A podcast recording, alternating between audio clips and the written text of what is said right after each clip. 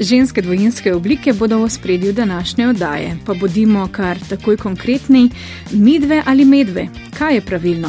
Tako odgovarja dr. Tjaša Jakob z Inštituta za slovenski jezik Frana Ramovša z RC SAZU. Pravilni sta v bistvu obe obliki.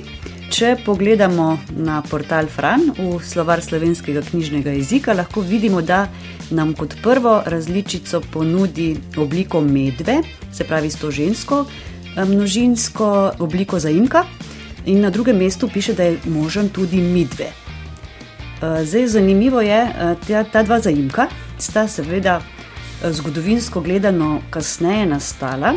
Če pogledamo besedila iz 16. stoletja, se pravi, to so prve nekako knjige, na katere se lahko nekako obrnemo, že prva slovnica Bohoričeva ima zapisane oblike mi, vi in pa različice midva, vidva. Oblika medve je torej nastala pozneje. Ko se je tudi ta mi, um, oblika, se pravi moška množinska oblika, pri ženskem zaimku nekako je bila potreba, da bi mogoče bila tudi ta, ta zaimek, da bi bil bolj ženski. Nazaj k dilemi midve, medve, obliki sta različno uporabljeni po Sloveniji. Sama sem v svoji dizertaciji naredila eno tako karto jezikovno teh oblik in lahko vidimo, da prevladujejo te oblike mi dve. Medve so nekako omejene na področje dolenskega narečja oziroma dolenske narečne skupine, še malo na stik dolenske in štajerske, in pa ločeno še v rovtarski narečni skupini se pojavljajo te oblike. Prevladujejo pa oblike, ki jih v bistvu v slovarju slovenskega knjižnega jezika sploh ni, namreč oblike, ki imajo na glas na števniku. Se pravi, mi dva, med dve, tudi med dve.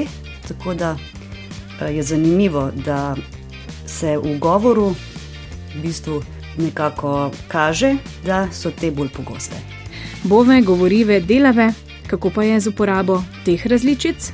To so oblike, ki jih danes eh, v knjižnem jeziku ni oziroma niso normirane, jih pa slišimo, ne? v bistvu se pojavljajo v pogovornem jeziku in tudi v nekaterih narečjih. Jih govorci uporabljajo, um, morda se jih nekateri niti ne zavedajo, oziroma so prepričani, da so te oblike tudi knjižne.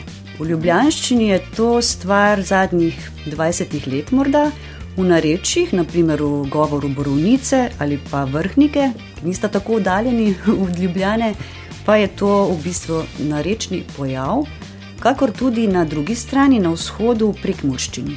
Oni imajo obliki recimo idevo in idevi ali ideve, ali pa recimo bova, midva bova in midve bove ali bovi. In znova ne gre za nov pojav. Če pogledamo spet v 16. stoletje, tam imamo spet Biblijo, pa imamo slovnico, ne, Bohoričevo tam vidimo, da so te oblike zabeležene kot možne, oziroma celo kot pravilne. In ima recimo Bohorič oblike kot sva sve in eh, vi, oziroma vidva in vidve sta in ste, ali pa piševa in piševe. Eh, no, zanimivo je, da je tudi uh, Valentin Vodnik v svoji slovnici iz 1811 navaja obe obliki, tokrat ima svi in pa sti, e, poleg sva in sta za moška, ne? za dve moški osebi. E, prav tako Fran Levstik v svoji slovnici iz 1866 ima oblike ženske, recimo jevi, e, jesti ali pa delavi. In zadnja taka slovnica je pa Breznikova slovnica iz 1916, ki ima tudi poleg delava še žensko delave oziroma delate. Tudi pozneje se pojavljajo podobni primeri. V vseh ostalih slovnicah in vseh, eh, zlasti 17-18 eh, stoletje, so predvladale moške oblike. Eh, je pa zanimivo, da se na začetku 19. oziroma na koncu 19. začetku 20. tudi sporadično te oblike pojavljajo. In recimo, jaz sem našla pri prevodu Preširnove, oziroma pri Preširnovem prevodu Burgerjeve Lenore, On uporabi naprimer velelnik, prvo osebo dvojine žensko s polsko obliko oziroma končnico na ve. In sicer prevede nekako tako: Hči, oče naš molive, vse dobro je, kar Bog stori, da usmili se prosive. Ne, ta spet ženska. In pa celo v Pleteršnikovem slovarju, eh, slovensko-nemškem slovarju z konca 19. stoletja, najdemo naprimer eh, pod geslom prijateljica, primer prijateljici svesi ali pa pod geslom sestrana v pomenu sestrična.